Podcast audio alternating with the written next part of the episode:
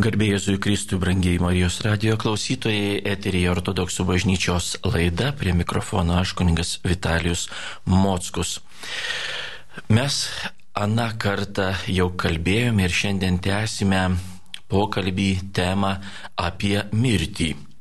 Atrodytų, ta tema e, nelabai e, džiugi ir tema, kuri nekelia labai kažkokiu tai džiugių emocijų ir nelaukiama turbūt ta mirtis yra. O mes kalbam apie ją. Mes krikščionys dažnai prisimenam mirtį. Taigi kalbėta jau buvo apie tai, kad mirtis šiame gyvenime yra neišvengiama mums. Mirties Dievas nesukūrė, tai yra nuodėmės pasiekmė. Taip pat kalbėjome net ir apie teigiamas mirties savybės, svarbiausioji iš kurių tai, kad mirtis nutraukia nuodėmės vystimasi, augimą, žmoguje begalinį blogio dauginimasi. Mirtis nutraukia ir žmogus gali stoti viešpaties akivaizdon amžinybėje. Tesdami temą, šiandien pradėkime nuo labai svarbaus klausimo. Kas geriau, beje, tai neretai užduoda tokį klausimą, apie tai kalba žmonės. Kas geriau, staiga mirti? Ar žinant kurį laiką, kad jau mirsiu?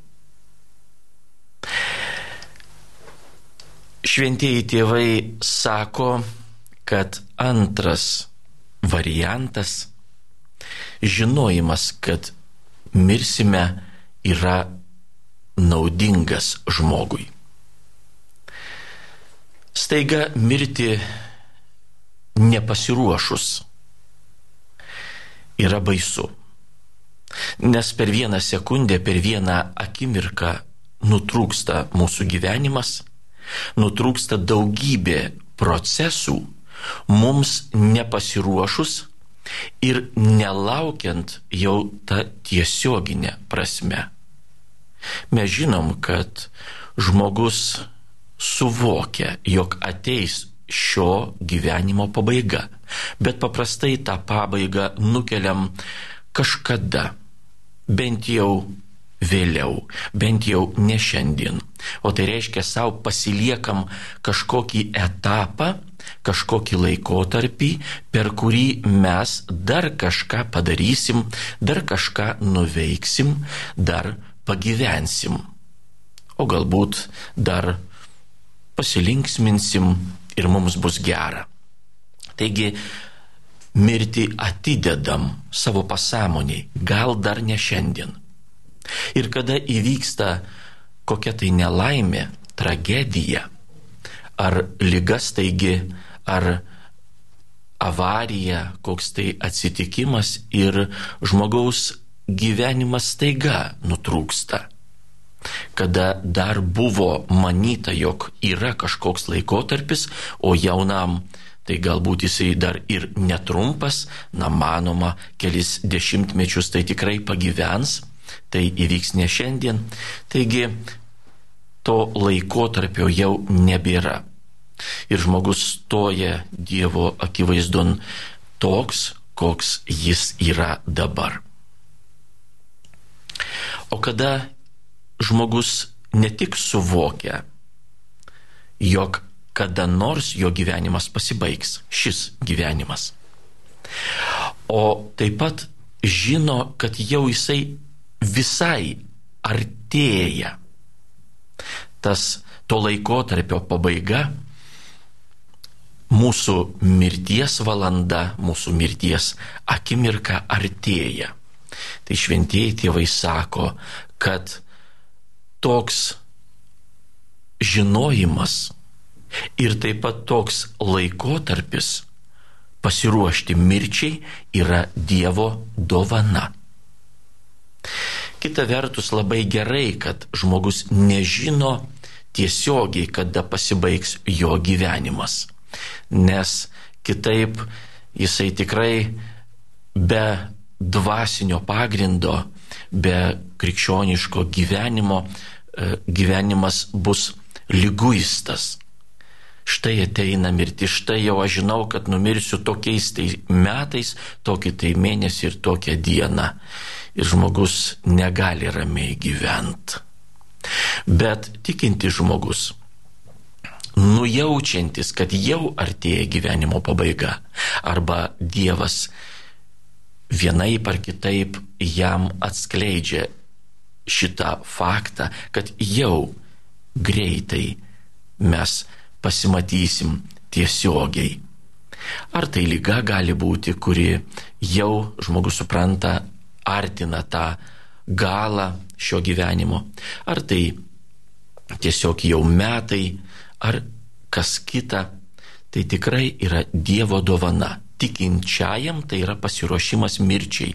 Ji netaps staigi, ji bus pasitikta pasiruošus. Vienas 20-ojo amžiaus naujasis kankinys meldėsi. Viešpatie, kada tu nuspręsi baigti mano gyvenimą, perspėk mane apie tą valandą, kad aš galėčiau pasiruošti susitikimui su tavimi. Žinoma, mes visą gyvenimą giruošiamės. Visą gyvenimą ir melžiamės ir atsimenam tą kažkada tai ateisiančią mirties valandą. Bet kada liko jau nebedaug laiko, santykinai, gal diena, gal valanda, gal metai, bet mes jau matom tą nenumaldomą artėjimą, tai tikrai galime pasiruošti. Tačiau ne tiek mus, mums kelia baime pati mirtis ir kažkokia tai kančia, galbūt prieš ją. Kiek mirti padaro atgrasę, tai, kad tai yra išbandymas. Išbandymas arba egzaminas, kurio žmogus negali patirti šiame gyvenime. Jis negali išmokti, kartojant, vis nuolat grįžtant, atliekant tą aktą, tą reiškinį. Ir galiausiai išmokęs numirti jis jau tada tą paskutinį kartą jau po generalinės repeticijos atlieka. Tai žmogui neįmanoma. Miršta žmogus vieną kartą. Ir tai yra vienintelis kartas. Tas išbandymas tikrai yra sunkus. Pirma, žmogus supranta, kad paliks šį pasaulį visiškai paliks. Mūsų žemiško gyvenimo prasme paliks negryžtamai. Antra, išsiskirs su savo artimaisiais, su tais žmonėmis, kuriuos myli, su kuriais bendrauja, kuriuos norėtų matyti. Daugiau nebebus artimo žmogaus šalia. Ir trečia, jis praras viską, ką turėjo. Ir išeis iš jam įprastos šio gyvenimo aplinkos erdvės. Jis jau nebeturės nieko, kas jam čia yra brangu, svarbu, be ko galbūt jis negalėjo arba nemokėjo, neišmoko gyventi. Praras turtą, paliks viską, ką sukaupė, net ir tą gyvenimišką mūsų skirtą šiam gyvenimui patirti. Ji daugiau nebebus reikalinga. Ir štai žmogus supranta, kad net ir kūnas jo jau nebebus toks, koks buvo. Žmogus jo nevaldys. Mes prisiminkim, kada dalyvaujam laidotuvėse ir matome karste gulinti žmogų. Lyg jį ir atpažįstam.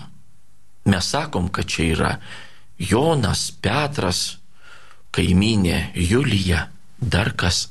Mes net įvardyjam ir atpažįstam tą žmogų, bet jis nejuda.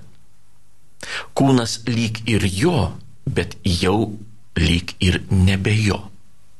Negali ne tik kažką padaryti, bet net ir pajudėti, net ir įkvėpti. Ir štai žmogus supranta, kad niekada neturėjo tokios patirties. Ir negalima buvo to išmokti. Kažkiek patirti, o paskui pakartoti. Tai vienintelis kartas. Ir dažnai žmogui atrodo, kad ateityje, o tai taip pat yra baisu, atgrasu, kad ateityje kažkokia praraja, galbūt net juoda, tamsi praraja. Įsivaizduokim, mes užsimerkiam ir aplink tamsu mes nieko nematome.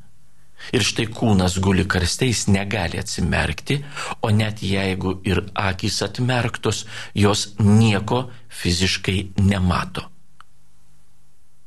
Ir mūsų pasąmoniai vėl atgyja va, tas kažkoks tai vaizdas. O kasgi ateityje, štai aš mirštu ir galbūt ten bus juoda galbūt kažkas nesuvokiama, ko aš negaliu regėti ir negalėsiu matyti. Jei tikinti žmogus ir žino, kad gyvenimas tęsis, mes juk su viešpačiu gyvensim amžinai. Bet kaip tai bus, nežino niekas. Kaip galima būti be kūno. Kaip jausis siela be kūno. Kaip jinai judės, kaip jinai veiks. Tos patirties niekas neturi. Ir todėl vėl patiriama baime, stresas. O mirdamas žmogus neretai kenčia tai lygos, tai vidinės sielos kančius. Arba bent jau mirdamas žmogus yra silpnas, negalintis judėti, lyguistas. Tai dar labiau prideda baimės. Jis dabar jau nebegali savimi pasirūpinti ir nebegali į nieką atsiremti čia žemėje. Atsiremti ta prasme, ne ranka laikytis už stalo ar stovo, kad nenugriūtų, bet at, atsiremti tą vidinę prasme. O kurgi mano pagrindas, ant kurio aš tvirtai stovėjau šiame gyvenime? Dabar jau ir kūnas nebeklauso, ir ranką noriu pakelti, o ji nekyla arba netaip greitai ir netaip stipriai. Ir tai iš tikrųjų žmogui stresas. Paklausus, kam sunkiau mirti - netikinčiam, agnostikui ar tikinčiam. Agnostikui ar netikinčiam žmogui daugiau, kaip jisai įsivaizduoja, už to mirties lenkščio, už tos akimirkos nieko nebus.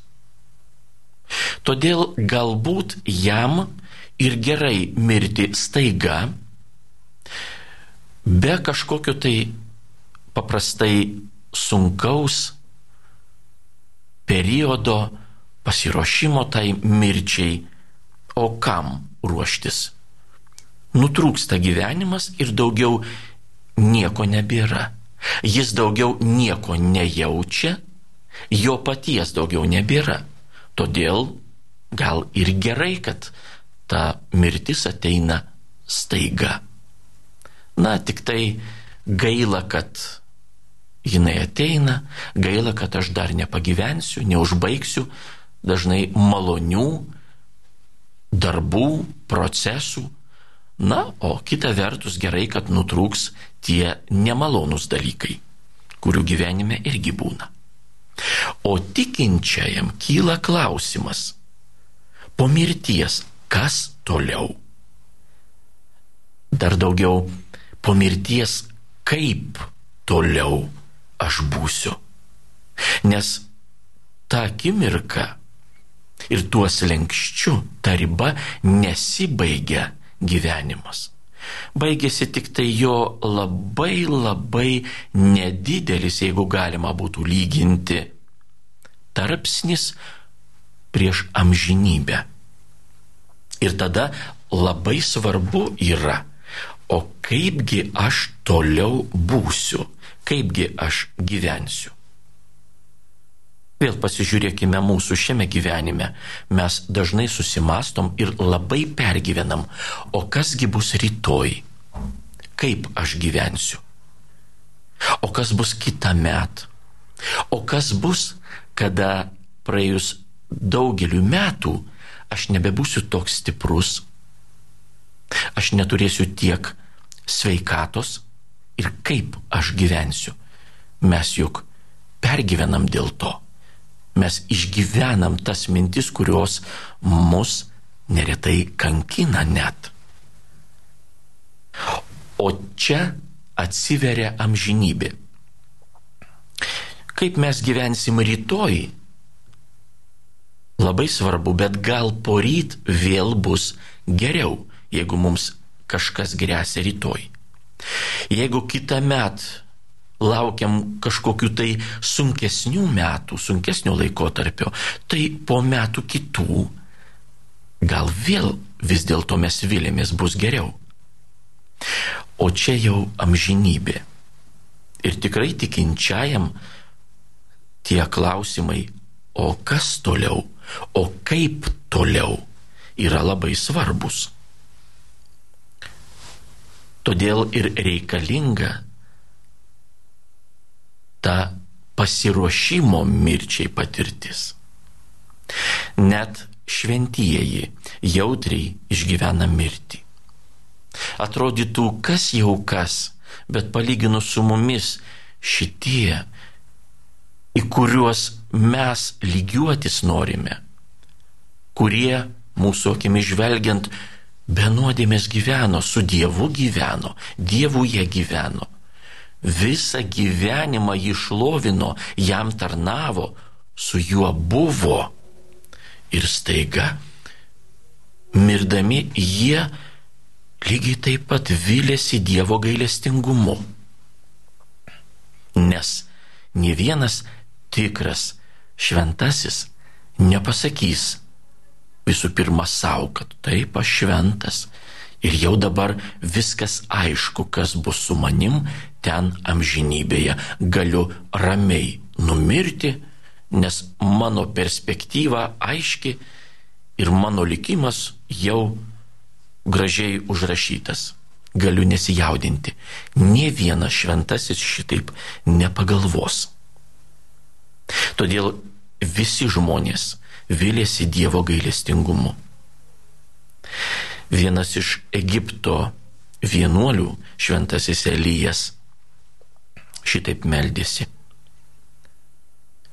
Šitaip sakė, aš bijau trijų dalykų. Kada siela išeidinės iš kūno, kada stosiu viešpaties akivaizdon ir kada išgirsiu sprendimą dėl savęs. Štai tų trijų dalykų net šventieji vienuoliai, kurie atrodytų jau kas, jau kas, o jie tai jau gyvena kaip reikia, atsidavę Dievui. Ir štai bijo, nes nebuvo ir jam tos patirties, kaip siela išeina iš kūno, kas įvyksta, kaip jis stoja viešpaties akivaizdon, kaip jį jaučiasi. Ir žinoma, visus jaudinantis tas sprendimas. Aš išgirstu, stosiu dešinien ar kairien, ten, kur viešpaties avelis ar tie ožiai, apie kuriuos kalbama Naujojo testamento palyginime. Taigi, tie klausimai ir tos minutės jaudina ir šventuosius. Ką jau kalbėti apie mus? Mirties laikotarpiu, minutę, jinaigi gali trukti nežinia kiek laiko. Labai svarbi yra artimųjų pagalba. Kada žmogus išeina amžinybin, Jau kalbėjome, kad jam tai gali būti ir baisu, ir stresas, o kartais net ir panika, baimė.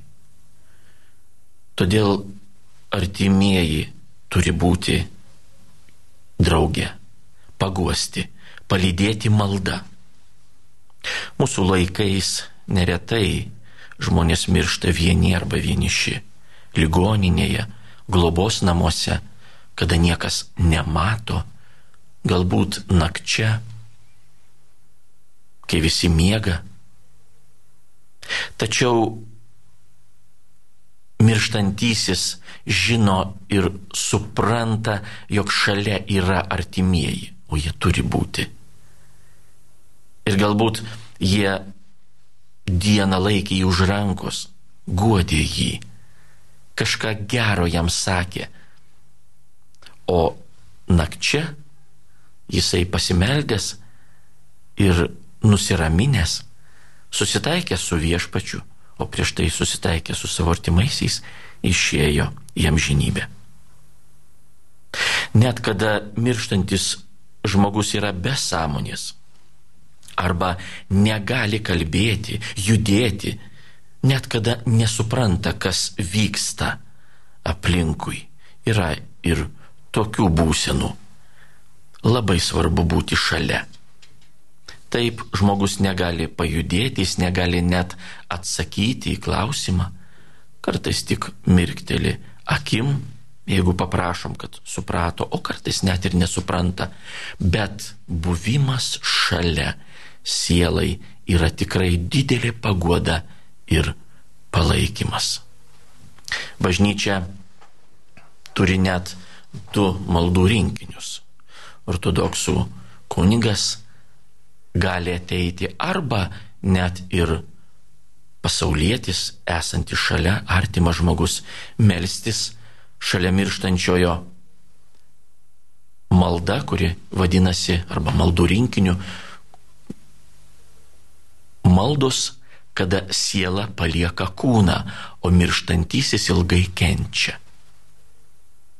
Būna ir tokios situacijos. Ir skausmas suima dėl lygos. Ir tikrai žmogus kenčia, kartais verkia iš skausmo, bet jisai ruošiasi mirčiai ir tuo. O artimas žmogus meldžia Dievą, kad tas išėjimas amžinybin būtų ramus, o tos kančios, tas skausmas pasitarnautų jam į gerą, paruoštų sielą, apvalytų sielą, duotų mintį, duotų galimybę gailėtis dėl galbūt kažkada padarytų savo nuodėmių. Ir Kitas maldų rinkinys yra kanonas viešpačių Jėzui Kristui ir skaičiausiai mergeliai Marijai sielai paliekant kūną.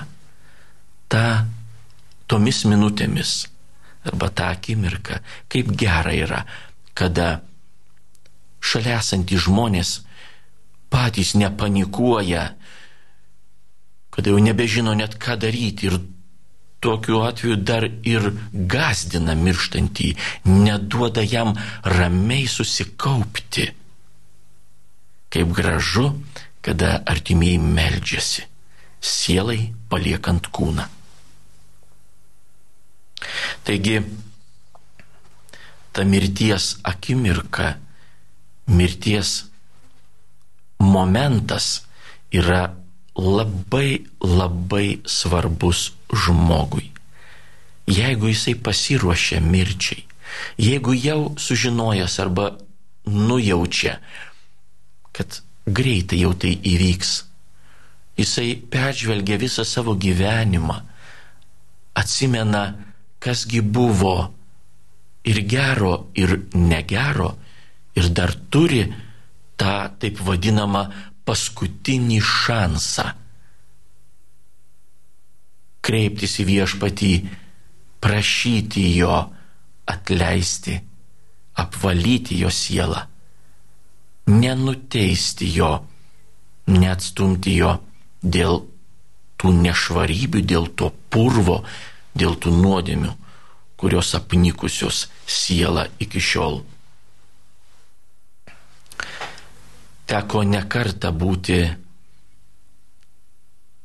kada tą akimirką, kada žmogus išeina amžinybin. Ir dėja, nekarta teko matyti, patirti visai kitokias mirštančiojo nuotaikas. Buvo atvejais, kada artimieji pakvietė ateiti ir palydėti malda mirštantįjį. Bet jis nekvietė. Tai buvo artimųjų iniciatyva. Ir kada pasiūliau mirštančiajam, sakau, pasimelskime kartu. Nežinoma, lengviausia yra pačiam melstis, o tu ten žinokis. O aš meldžiu viešpatį. Tai pasiūliau kartu. Sakau, net jeigu ir sunku ištarti žodžius, nors jis dar galėjo kalbėti ir, ir, ir kalbėjo, jūs bent jau širdį mintyse kartokite tai, ką aš dabar tarsiu balsu garsiai.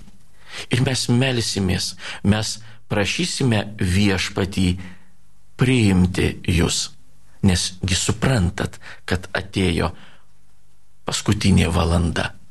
Jis sako taip, aš suprantu, bet aš nesimelsiu. Nenoriu. Kodėl? Ką jūs prarandat? Gi nieko neprarandat. O paskutinės minutės būtų tikrai gražios ir šviesios, o ne apnikusios baisių stingdančių minčių apie tai, kad viskas jau galas ir daugiau nežinia, kas bus ir aš viską prarandu, pasimelskime viešpačiui. Ne, nesimelsiu, eikit iš čia. Kodėl žmogus šitai pasielgė? Kodėl nepasinaudojo tuo paskutiniu šansu ir paskutinę akimirką, kada dar gali šauktis viešpaties ir jis išgirstų tą žmogų, kaip išgirdo piktadarį, nukryžiuotą šalia Jėzaus Kristaus, kuris šaukėsi jo. Jo atmink mane viešpatie, kai ateisi į savo karalystę. Graži akimirka, tikrai graži mirtis, gražus išėjimas, su malda lūpose ir širdį. Tačiau tas žmogus nepasinaudojo tuo. Kodėl? Todėl, kad mes atidedam ateičiai. Nu tai paskui jau melsiuos, paskui jau eisiu bažnyčią, kada jau nebebus ką daryti, dabar reikia ten bėgti, duonai užsidirbti, pasilinksmint, dar kažkokiu tai reikalų rūpešių, jų yra šimtai tūkstančiai ir milijonai, jeigu dar kažką tai prisigalvotume ir, ir sudarytume sąrašą. O melstis, nu, tai nėragi svarbu. Mes gal to nepasakom, bet mūsų mintise taip, nu, nesvarbu tai yra. Tai, tai nėra tai, kas apsprendžia mano gyvenimą. O kai ateina jau ta diena, ar pensija, atrodytų jau daugiau laiko yra, jau gal reiktų ir susimastyti apie amžinybę, jau artėja, mesgi suprantam, ten tarkim, koks tai jau aštuntas, devintas dešimtmetis, daug dievė, kad tiek nugyventume, bet pasirodo, per visą tą savo buvusį gyvenimą, per visus tuos metus žmogus taip ir neįprato melstis, taip ir nepatyrė maldos reikalingumo, taip ir neišmoko dėkoti viešpačiui. O dabar reikia pradėti viską nuo nulio. Kažkaip ir nekyla ranka persižegnot. Ir dar viena svarbi mintis. Pasirodo, kada melžiamės Dievui ir ortodoksų bažnyčių viena iš tokių dažniausiai kartojamų ir trumpiausių maldų yra žodžiai viešpatie pasigailėk. Ir kada žmogus supranta, jeigu jisai melsis, jisai turės paprašyti viešpaties atleisti visas jo nuodėmės. Ir išeina, kad jis suvokęs, koks buvo jo gyvenimas, kodėl, manau, tas mirštantysis ir sakė, aš nenoriu melstis su jumis, eikit iš čia. Ir jis nesimeldė. Ir mirė va šitai be maldos, nepasinaudojęs tą progą. Jok jis suvokė, kad tik atvėrus burną ir ištarų žodžius viešpatė pasigailėk manęs, aš toliau pasąmonė, nebūtinai tai tarti, ašgi visą gyvenimą nešlovinau tavęs. Aš nesikreipiau į tave. Aš net neprisiminiau tavęs niekada. O tai reiškia, kad aš turiu visą tą savo gyvenimą, kur išauginau sūnų, pasodinau medį, pastačiau namą, namus savo, įsitvirtinau čia kažką, palikau savo vaikams, o reiškia kažkokį pėtsaką palikau šiame gyvenime, dėl kurio man, mane atsimins visada visi gerų žodžių už tai, koks buvo geras, ūkiškas gyvenimo na, besilaikantis žmogus. Staiga aš turiu dėl tų žodžių ir to suvokimo, kad tavęs viešpatie niekada aš neatsiminiau, perbraukti visą buvusi savo gyvenimą amžinybės akivaizdoje, amžinybės perspektyvoje, kaip niekam tikusi. Ir kas, kad aš pastačiau namus, ir kas, kad aš užauginau medį, ir kas, kad aš užauginau sūnų. Bet pasirodo, tai nieko man nedavė amžinybės perspektyvoje. Ten visai kiti matai, ten visai kitos svarstyklės. Ir kitką aš dėsiu ant šitų svarstyklių. Taigi mano gyvenimas niekinis. Viešpatė atleisk man, kad aš va šitaip išeikvojau savo gyvenimą, tą brangų laiką, kurį turėčiau panaudoti ruoštis susitikimui su tavimi. Ir štai žmogaus puikybė, kaipgi mano gyvenimas niekam tikęs. Tai netiesa. Taip negali būti. Ir jo puikybė neleidžia jam tą paskutinę akimirką ištarti žodžius viešpatie pasigailėk. Va todėl ir sakom, jog nereikia atidėti paskutiniai minutiai arba tiems laikams, toms dienoms, kada turėsime daugiau jau laiko melstis, dabar neturime, kada jau nebus tiek rūpešių ir galėsime atsidėti, pasiruošti ateinančiai mirčiai gali to ir nebūti, nes mūsų puikybė neleis to padaryti. Arba, kaip dėja, bet būna, kad to pasiruošimo laikotarpio taip ir nesulaukiam. Na štai jau nuo pirmadienio jau ruošiuos, o sekmadienį ištinka nelaimė ir žmogus numiršta, taip ir nesulaukęs pirmadienio ir nepradėjęs ruoštis, nors atrodytų lyg ir planavo. Taigi štai koks svarbus tas momentas. Mirtis tą akimirką, kada siela palieka kūną, palieka šį pasaulį, palieka artimuosius savo, viską palieka, viską be išimties ir pasiima su savimi tik tai tai, kas pripildė ją tam tikrą turinį, tas dorybės, kurias ji įgyjo šiame gyvenime, arba tas blogybės, tas nuodėmės, kurios lygiai taip pat pripildo sielą kaip turiniu ir nudažo ją tam tikrą spalvą arba, čia gyvaizdžiai kalbant, e, siela tampa tam tikros būsenos, nuo kurios jau ir priklauso, o kaipgi mes būsime ir kas su mumis bus ten amžinybėje. Ir tą metą, kada artėja ta mirtis, artėja tas momentas, žinoma, žmogaus sąmonė, žmogaus siela ypatingai imli yra tai amžinybei, tam dvelgsmui iš anos pusės, iš ten, kur mes einam, kur link einam ir tikrai būna ir regi, ir angelus, ir demonus, ir galbūt kitus žmonės. Ir tas dvelgsmas taip pat arba žmogų sukausto ir sukelia baimę, stresą, arba nudžiugina. Pagaliau viešpatie, aš žengiu pas tave, pasigailėk manęs, atleisk man. Nežinau, kad nusidėjau, nes žinau, kad nebuvau ir nesu vertas regėti tavęs, bet viliuosi ir tikiuosi tavo gailestingumo.